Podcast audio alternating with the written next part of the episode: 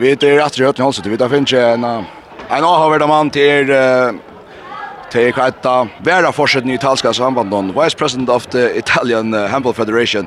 Uh, first of all, uh, um, I, I suspect you're uh, very unhappy about the result today.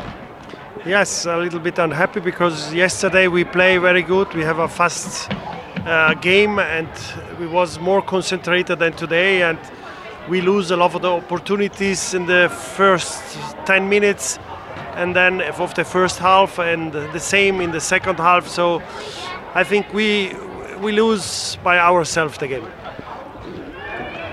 It's not the first time you're in the Faroes. Could, could you tell me about that? yes. Yes, I'm the first time here but I want to come to see where my brother was playing 14 years ago against uh, Faroe Island. They were a very important tournament here and so tournament and uh, it was nice to see the island and, and to remember uh, that a long time ago I think we won about 40 to 26 something like this. Your uh, path in the tournament is uh, still uh, very open. You have an important game tomorrow. Uh, are you hopeful?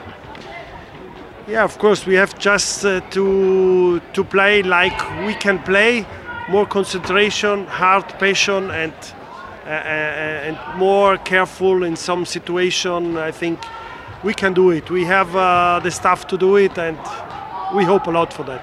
Good luck. Thank you very much. See so. Vera fortsätter i italska handbollsvärlden. Thank you so much.